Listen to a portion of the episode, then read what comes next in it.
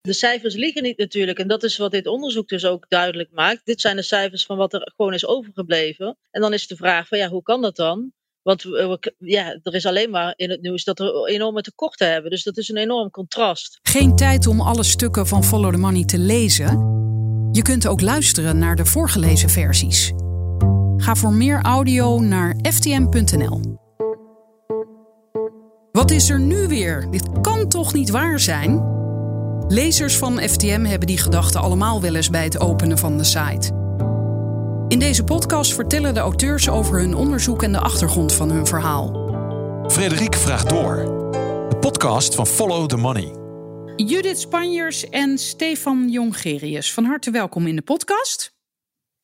Welkom. Dankjewel. Dankjewel. Jij heet mij nu ook welkom, Judith. Dat is wel aardig ik van je. altijd. We gaan het hebben over jullie artikel Top verdienen aan jeugdzorg in Tilburg. Straks wil ik natuurlijk alles weten over jullie samenwerking, wat jullie allemaal hebben uitgevonden. Eh, maar eerst even, Stefan, eh, dit is jouw eerste stuk voor Follow the Money. Hoe is deze samenwerking met Judith eigenlijk tot stand gekomen?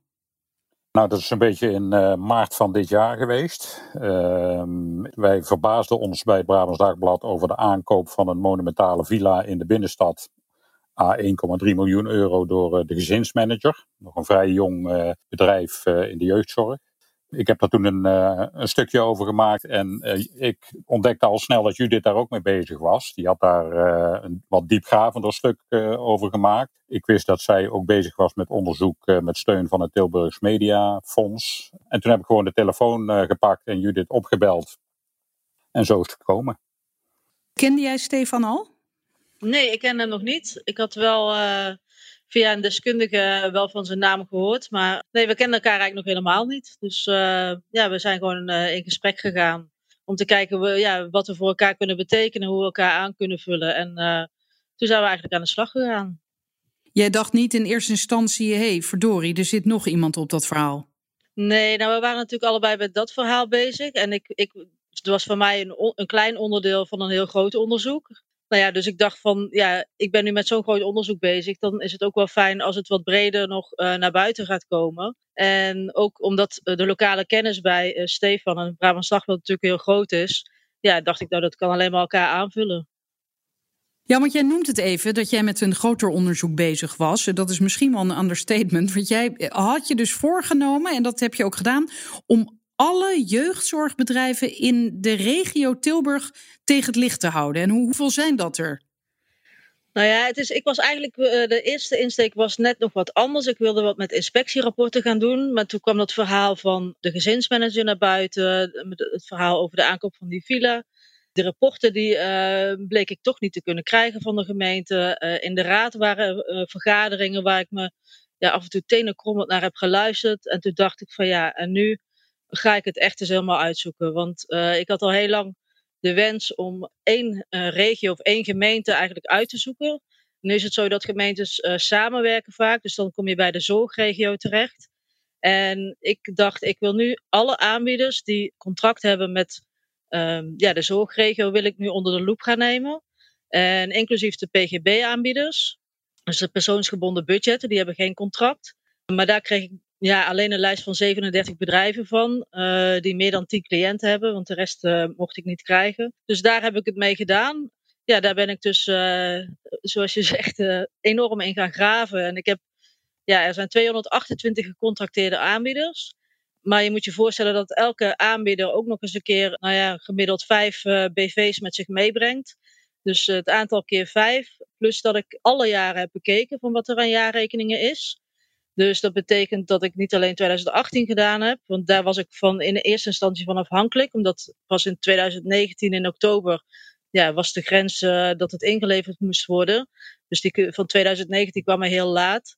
Dus ik heb me op 2018 gefocust. En, maar ook alles wat er tot nou, 2008 terug te vinden was, openbaar aan jaarrekeningen, heb ik per bedrijf ja, in kaart gebracht. En heb ik op een aantal punten specifiek gelet. En Stefan, toen jij dat hoorde waar Judith mee bezig was, dacht je toen niet van: hey, zit, zit, daar misschien een steekje los? Uh, ja, dat heb ik tot het laatste moment eigenlijk, eigenlijk wel regelmatig gedacht. Want nou ja, de grondigheid en de gedetailleerdheid waarmee Judith uh, bezig is geweest, ja, kan ik aan de ene kant alleen maar mijn hoed voor afnemen. Aan de andere kant dacht ik ook wel eens, nou nou, iedere keer als ik, nou ja, ik heb natuurlijk op een gegeven moment ook mijn aandeel in het onderzoek genomen. En iedere keer als ik weer wat informatie terugkreeg van de gemeente of andere partijen, dan, uh, en dat deelde met Judith. Dan kwamen er meteen 367 vragen terug die ik dan even nog weer moest stellen en zo. Maar goed, uiteindelijk is dat toch denk ik tot een vorm gekomen waar we alle twee ja, ons prima in konden vinden. Om te weten waar we het over gaan hebben, Stefan. Wat zijn eigenlijk de belangrijkste conclusies van jullie stuk? Nou, de hoofdconclusie is eigenlijk dat uh, terwijl uh, heel veel gemeenten in Nederland en in het bijzonder in de regio Tilburg uh, kampen met grote tekorten in de zorg, ondernemers in die branche aanzienlijke winsten blijken te maken. Ehm, we hebben 121 zorgaanbieders in de regio Hart van Brabant tegen het licht gehouden. Daar blijkt 1 vijfde meer dan 10% winst van te hebben gemaakt in 2018. en voor commerciële bedrijven in de jeugdzorg uh, geldt dat zelfs voor 40%. Terwijl uh, ja, ook wetenschappers ons vertellen, uh, onder andere professor Harry Verbon van de Universiteit in Tilburg, dat 3 tot 4% winst uh, gebruikelijk en acceptabel zou zijn voor die branche. Dus dat roept wel vragen op hoe kunnen zoveel bedrijven zoveel winst maken.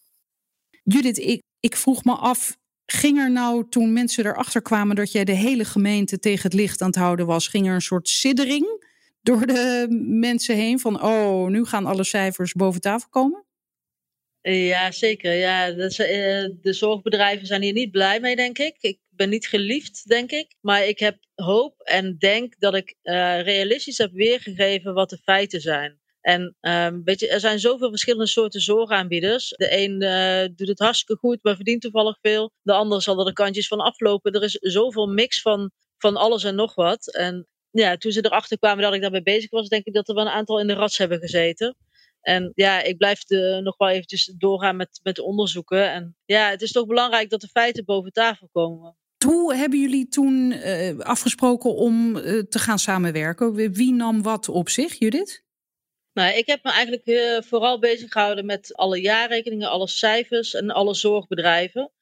Dus uh, toen ik eenmaal alle informatie op een rij had staan en alles één voor één had ingetikt, al die cijfertjes, en op een rij had gezet uh, en de conclusies kon gaan trekken. Nou, toen heb ik dus ook contact opgenomen met nou ja, de meest verdienende bedrijven om te horen wat het verhaal achter die cijfers is. En nou ja, dat is dan de ene keer krijg je wel een antwoord, de andere keer niet. Maar er waren ook bedrijven die gewoon heel open waren. En nou ja, toen ik die bedrijven allemaal gesproken had, toen ben ik met Stefan verder gaan overleggen van nou, wat, wat zullen we als verhaal gaan maken?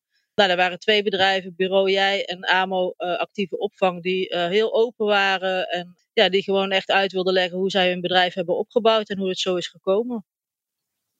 Ja, want jij zegt inderdaad hoe, hoe we het verhaal zouden maken. Want, Stefan, dat is uh, best uh, lastig lijkt me. Hoe meer cijfers je hebt, hoe moeilijker het misschien is om te zeggen: dit is het allerbelangrijkste.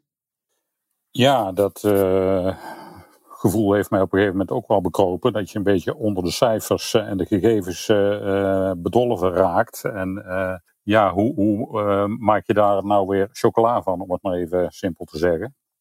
Ik zat natuurlijk vooral op die kant van de gemeente. Hè. Ik heb uh, jarenlang in Tilburg uh, stad de politiek gevolgd, maar kreeg ook veel mee van wat er in de gemeente in de regio Hart van Brabant gebeurde. Dat is die zorgregio. Maar ja, daar merk je ja, voortdurend dat raadsleden het ook heel lastig vonden om grip te krijgen op al die uitgaven die alsmaar groeiden. En nou ja, waar niet echt duidelijk antwoord kwam op vragen van hoe kan dat nou en hoe zit dat nou?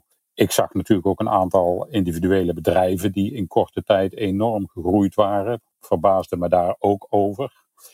Uh, nou ja, ik zat vol vragen en uh, eigenlijk zijn we die samen gaan behandelen, Judith en ik. We hebben op een gegeven moment ook echt gekozen om in het begin de gemeente Loon op Zand en bureau Jij eruit te pikken. Uh, Loon op Zand bleek ook nog de gemeente waar nou ja, die hoogste jeugdzorggebruik van de hele provincie Brabant had.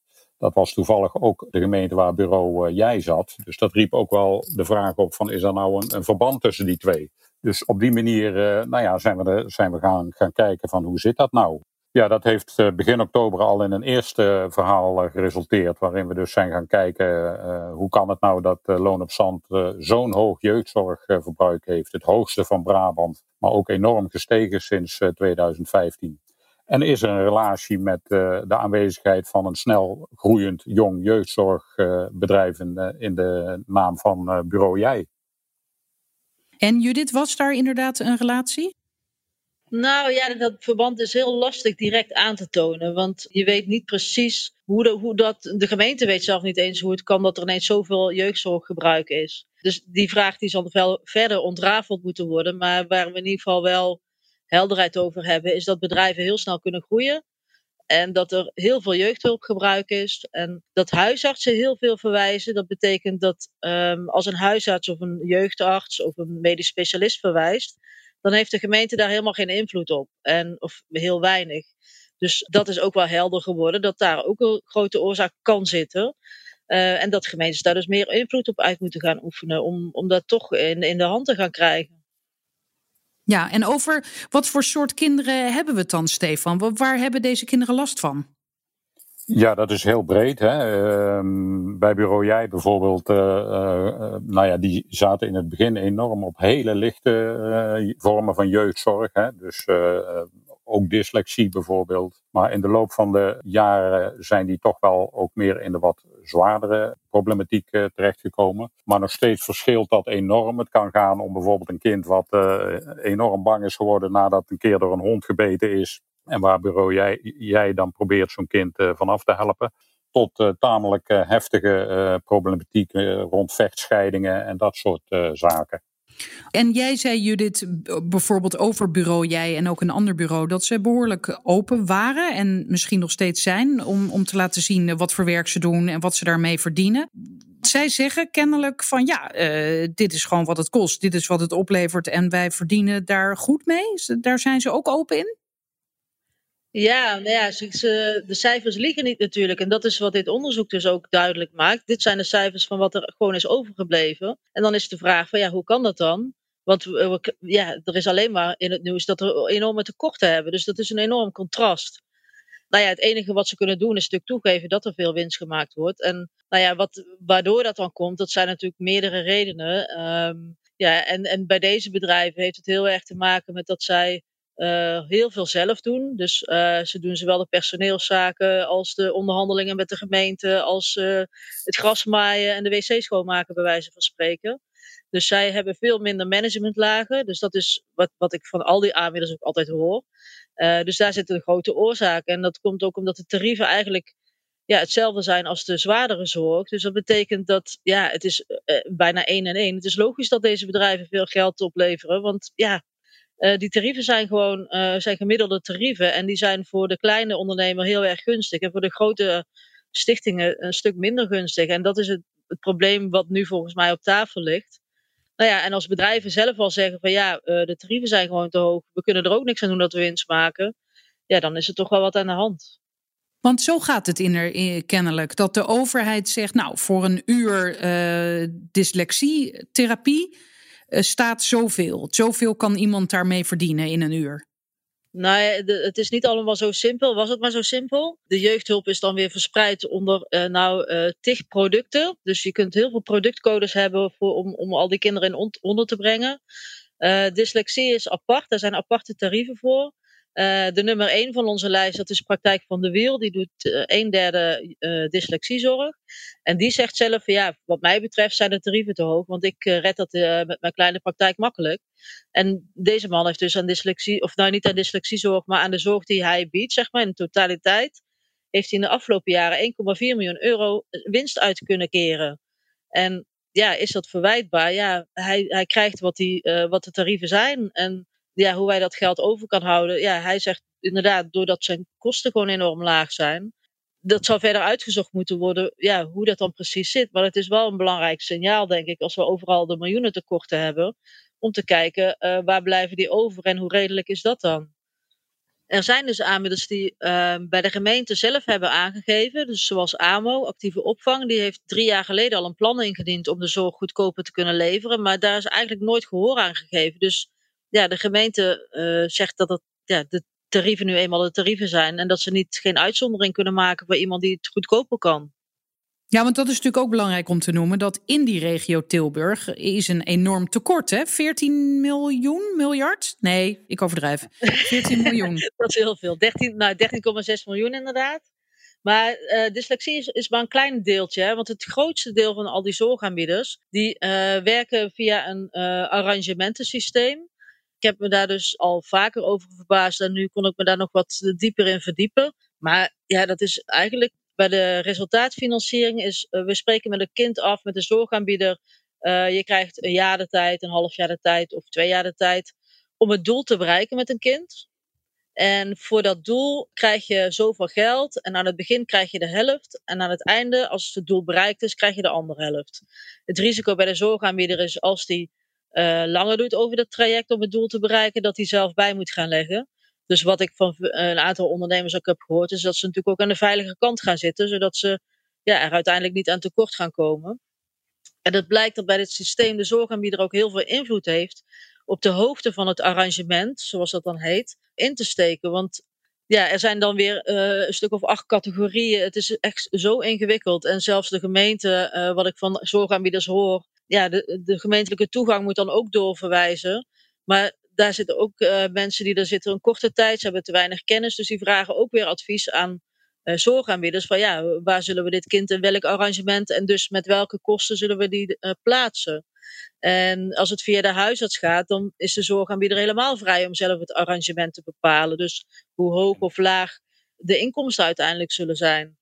En driekwart dus, van, uh, van die zorg die blijkt via dat medische circuit te gaan. Hè? Dus dat gaat dan om uh, verwijzingen door huisartsen, jeugdartsen, uh, specialisten, jeugdspecialisten. En bepaalt uiteindelijk de zorgaanbieder in eerste instantie wat er moet gebeuren en in welke zwaarte. En is de rol van de gemeente eigenlijk alleen om de rekening te betalen. En die kunnen ze niet altijd meer betalen omdat er een enorm tekort is nu. Ja, dat klopt. Uh, nou ja, de gemeente Tilburg is in de gelukkige omstandigheid dat ze in ieder geval een rijke gemeente zijn. Hè. Uh, Tilburg heeft uh, heel lang geleden, was een van de aandeelhouders in energiebedrijf Essent.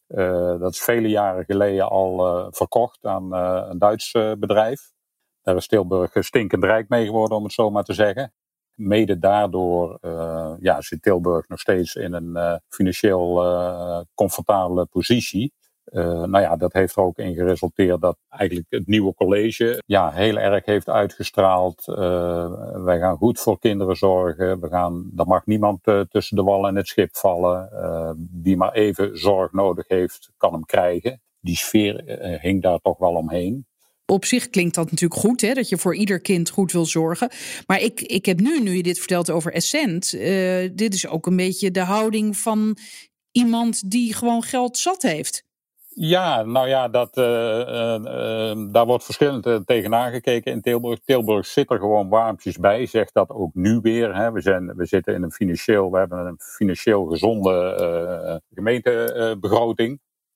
Maar het begint de laatste jaren. Het is wel aan het knellen geraakt, want Tilburg is behoorlijk op zijn reserves aan het interen gegaan. En nou ja, toevallig hadden we heel onlangs nog in de krant dat Tilburg zeg maar een nieuwe begroting heeft ingediend, maar daar een vordering van 8 miljoen op het Rijk uh, in heeft zitten. Dus er is een sluitende begroting, maar er zit wel een gat in van 8 miljoen euro, waarvan de rekening bij het Rijk wordt neergelegd als achterstallig uh, geld voor uh, het tekort op het sociaal domein.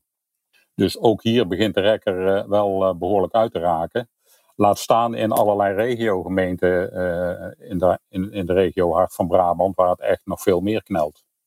Ja, en in hoeverre staat deze gemeente, deze regio, dan weer symbool voor de rest van Nederland, Judith? Want, want dat was natuurlijk ook jouw idee waarom je alles wilde onderzoeken.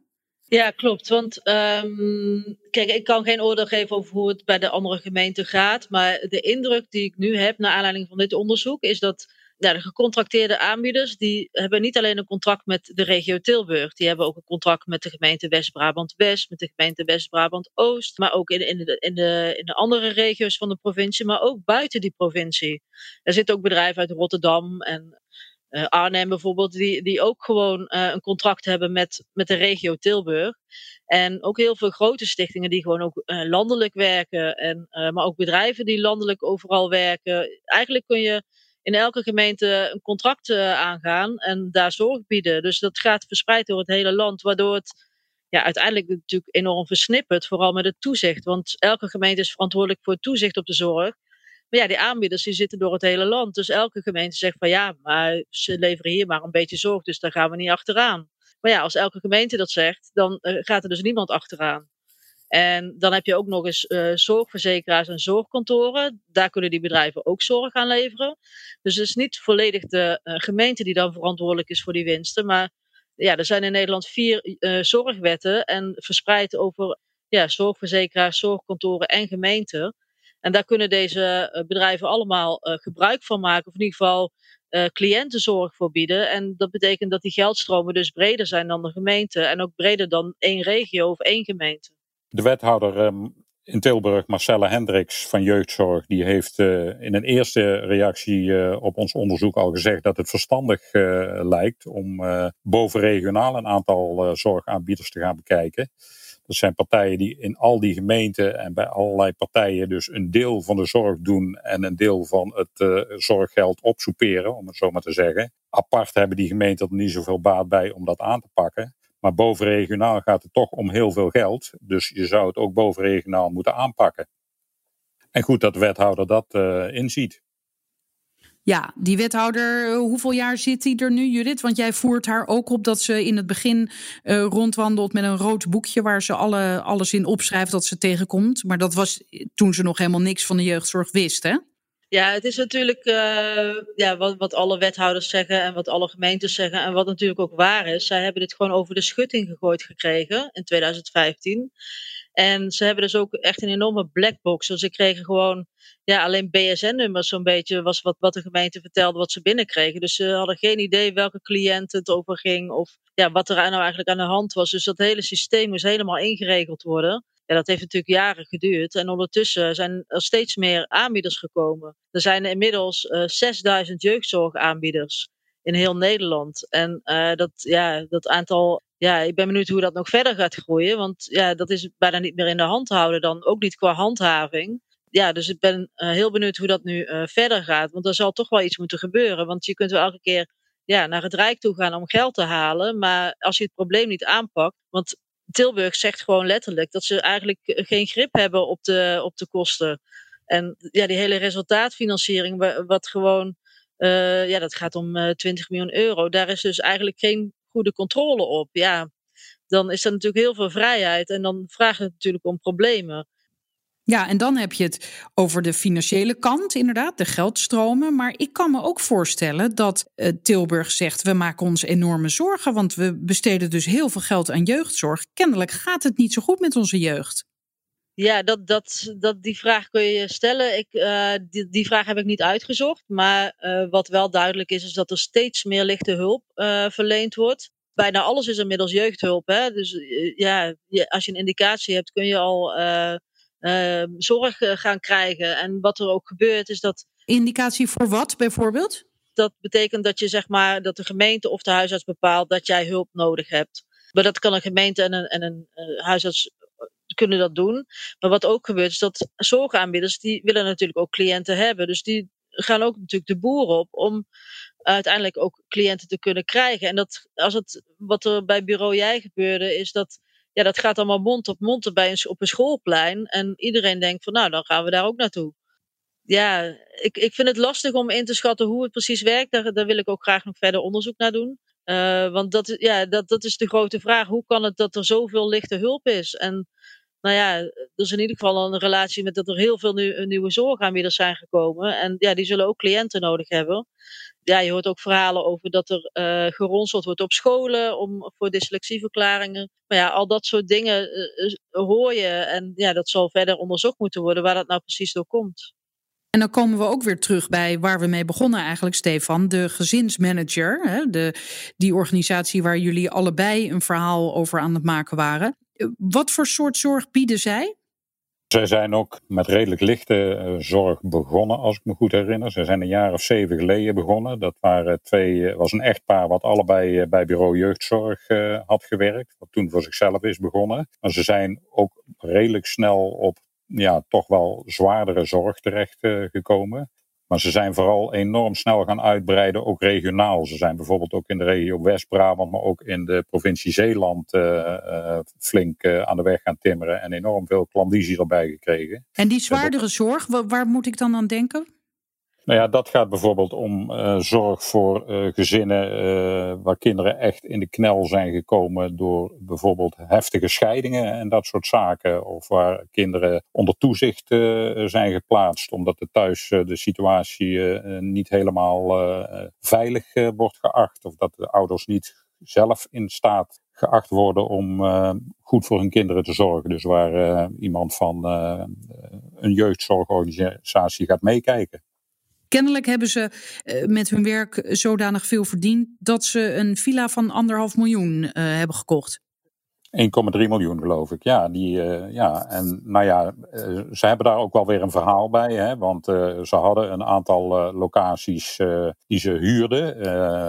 ze willen, nou ja, ze zeggen, we willen echt een, een, een gebouw wat iets uitstraalt. Dat voegt ook iets toe in de beleving en in de kwaliteit van zorg voor eh, de mensen voor wie we het doen. Wij willen allemaal wel een gebouw wat iets uitstraalt. Ondertussen zitten wij gewoon onder dekens in ons eigen huis deze podcast op te nemen. Ja, nou ja, ik, eh, ik vertel wat zij vertellen. Hè. Uh, nee, tuurlijk. Het, tweede deel van hun verhaal is uh, dat het goedkoper zou zijn om deze villa van 1,3 miljoen te kopen dan een aantal ehm, verschillende gebouwen over het hele gebied te huren nou ja, dat is in ieder geval hoe, hoe zij eh, er tegenaan kijken. Nou, dat is wat, je, wat, je, wat ik wel veel ben tegengekomen, is dat zodra er eigenlijk genoeg winst is gemaakt, wordt er gewoon heel snel een eigen pand gekocht. Dat gaat dan meestal via de holding, die andere BV van de eigenaren. Ja, dat is wel een punt wat, wat ik vaker tegenkom. En zeker bij dit soort snel groeiende bedrijven. En nou ja, de vraag is, wat vinden we daarvan? Ja, eh, want het kost, het gaat wel zorggeld. Nou ja, de winst gaat naar een, naar een vastgoed uh, toe. Wat uiteindelijk niet van het zorgbedrijf is, maar van de eigenaren. Ja, dat eh, wordt dan gezegd dat is risicospreiding. Maar ja, het is een discussiepunt, vind ik, waar, ja, waar, waar de politiek iets van moet vinden, denk ik. Van ja, willen we deze ontwikkeling zo verder door laten gaan of niet? En uh, het kan en het mag allemaal wat er gebeurt en wat we zien. Dus er worden managementvergoedingen gegeven die echt uh, heel hoog zijn. Uh, in een aantal gevallen, dus 250.000 euro of zo. En daarnaast mogen ondernemers natuurlijk dividend uitkeren. Maar wat je, de winst zegt ook niet altijd alles. Want wat je met een winst hebt, dus, nou ja, dat, dat geeft een indicatie. Maar door deze zorgcowboylijsten en ook deze lijst ondernemers die, die willen wel uitkijken dat ze in die lijst terechtkomen. Dus wat je nu ziet in 2019 ook, ja, dat die winsten wel een stukje lager worden. En bij een aantal bedrijven heb ik daar even naar gekeken. En dan zie je dat er de huren omhoog gaan, de managementvergoedingen omhoog gaan. Er vorderingen op groepsmaatschappijen zijn.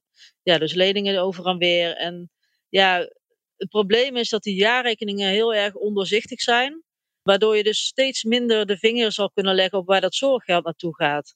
En ik denk dat dat vooral ook een belangrijk punt is om te kijken van, nou ja, ik heb van de helft van de bedrijven dus geen jaarrekening kunnen vinden. Dat komt ook omdat er uh, veel eenmanszaken zijn. Uh, maar ja, ook daar gaat zorggeld naartoe en er kan veel zorggeld naartoe gaan. Maar die hoeven dus uh, geen jaarrekening te openbaren. Daarnaast hebben de bedrijven ja, soms vijf, zes andere BV's die gelieerd zijn. En daar is geen jaarrekening van te vinden. Dus dat betekent dat eigenlijk als je degene, het bedrijf met een contract moet, is verplicht om een jaarrekening te deponeren. Tenminste, bij een WMO-bedrijf niet eens. Dus als je de wetmaatschappelijke ondersteuning is dat. Uh, dat is vaak beschermd wonen en begeleiding van volwassenen. Als je alleen WMO-zorg biedt, hoef je je niet financieel te verantwoorden. Dus dat blijft al buiten het zicht. PGB-bedrijven blijven aardig buiten het zicht. Eenmanszaken. En vervolgens heb je de BV's en stichtingen over die wel moeten verantwoorden. Maar alleen de gecontracteerde partij of de, of de partij die een toelating heeft officieel. Uh, maar de gelieerde BV's hoeven dat weer niet. En dat betekent dat het zicht op waar het zorggeld blijft, dat is uh, voor ons uh, eigenlijk niet meer te zien bijna. Ehm, en gemeentes kunnen wel andere jaarrekeningen opvragen. Maar ja, de bedoeling is dat ze zich openbaar verantwoorden in de jaarrekening. Maar ja, dat wordt wel steeds mistiger. En ja, de bedoeling was dat het transparantie zou bieden. Maar die transparantie die wordt steeds, is steeds, steeds verder te zoeken, vind ik. Voor die 121 uh, bedrijven die, die we tegen het licht hebben gehouden in het totaal om 99,6 miljoen euro winst die zij in 2018 alleen hebben geboekt. Hè. Nog even los van allerlei andere verdiensten als management, uitkeringen, vorderingen, goodwill en zo. En nou ja, dat is een bedrag waarvan je ja, moet afvragen, denk ik, van ja, dat is in ieder geval niet naar zorg gegaan. En in principe moet dat natuurlijk wel naar zorg gaan. En uh, de wethouder in Tilburg heeft tegen ons gezegd: ja, van mij hoeven jeugdzorgbedrijven niet in achteraf, agenebbes achterafpandjes uh, te zitten. Um, daar lijkt me veel voor te zeggen. Maar ja, of het dan een villa moet zijn, ik weet, ik weet niet of je daarmee ook uitstraalt uh, wat de bedoeling is in een tijd dat je ook zwaar tekort komt in het sociaal domein als gemeente. Hadden jullie niet soms het idee, Stefan, maar ook Judith, dat jullie het werk van de gemeente aan het doen waren? Ja, ja zeker. Dat, uh, ik, ik, ik ben al zes jaar bezig met onderzoek naar nou ja, zorgaanbieders. En dan vooral beschermd wonen, maar ja, ook, ook jeugdhulpbedrijven, um, ehm, BLZ-bedrijven. Um, ja, er zijn al meer dan honderd kamervragen gesteld over al, alle bevindingen die ik heb gedaan. En ja, er, er, gebeurt gewoon heel erg weinig. En dan liggen er wel een paar wetten klaar weer, maar ook daar kun je ja, bij afvragen, gaat dat het nou echt veranderen? In de, in de Tweede Kamer is ook vaak geroepen om ja, een follow the money-achtig onderzoek. Maar dat is telkens een beetje afgehouden. En het is wel heel erg gek dat ik dit in mijn vrije tijd onder andere allemaal ben gaan doen. Terwijl ja, het Rijk en, de, en gemeentes moeten dit gewoon in kaart hebben. Dat is gewoon eigenlijk heel gek voor de leden die nu luisteren en denken vrije tijd, wij betalen hier toch voor. Je hebt natuurlijk een heel deel uh, van dit werk voor Follow the Money gedaan. Hè? Maar je bedoelt daarnaast ben jij zo'n freak dat je gewoon in je vrije tijd er ook nog mee doorging. Ja, kijk, dit is zo'n groot onderzoek. En ik ben via Tilburgs Mediafonds betaald. Uh, dus ik heb die aanvraag bij Tilburgs Mediafonds gedaan. Dus, maar ja, Um, ik heb hier heel veel, ik heb er 800 uur ingestoken, zeg maar. En um, nou ja, dat zegt wel wat. En ik heb gewoon avonden na avonden ben ik die jaarrekeningen door gaan spitten. En ja, ik wilde gewoon echt voor, voor eens en altijd zeker weten, hoe zit dit nu? Waar zit het er nou in? En nou ja, dat was mijn doel. En nou, volgens mij heb ik aardig inzichting. Want ik heb niet alleen jaarrekening bekeken. Ik heb ook alle achtergronden van de, van de aanbieders bekeken. Ik heb echt heel breed uh, gezocht om echt vat te krijgen op met welke aanbieders hebben we nu te maken. Wat, wat, ja, hoe zijn ze dit begonnen? Hoe is het zo gegroeid? Um, om dat ook allemaal te analyseren een beetje freak ben je ook wel, Judith. Ik weet nog dat ik op een bijeenkomst, een cursus, een keer uh, waar we samen waren, uh, allemaal uh, gevraagd werden naar wat, wat zijn onze hobby's. En toen zei jij dat de jouwe was jaarverslagen doornemen. ik hou het toch maar liever bij basketballen. Dank jullie wel. Nou, graag gedaan. Graag gedaan. Zover deze aflevering van Frederik Vraagt Door. Wil je meer horen en lezen? Ga naar ftm.nl en krijg onze maand op proef.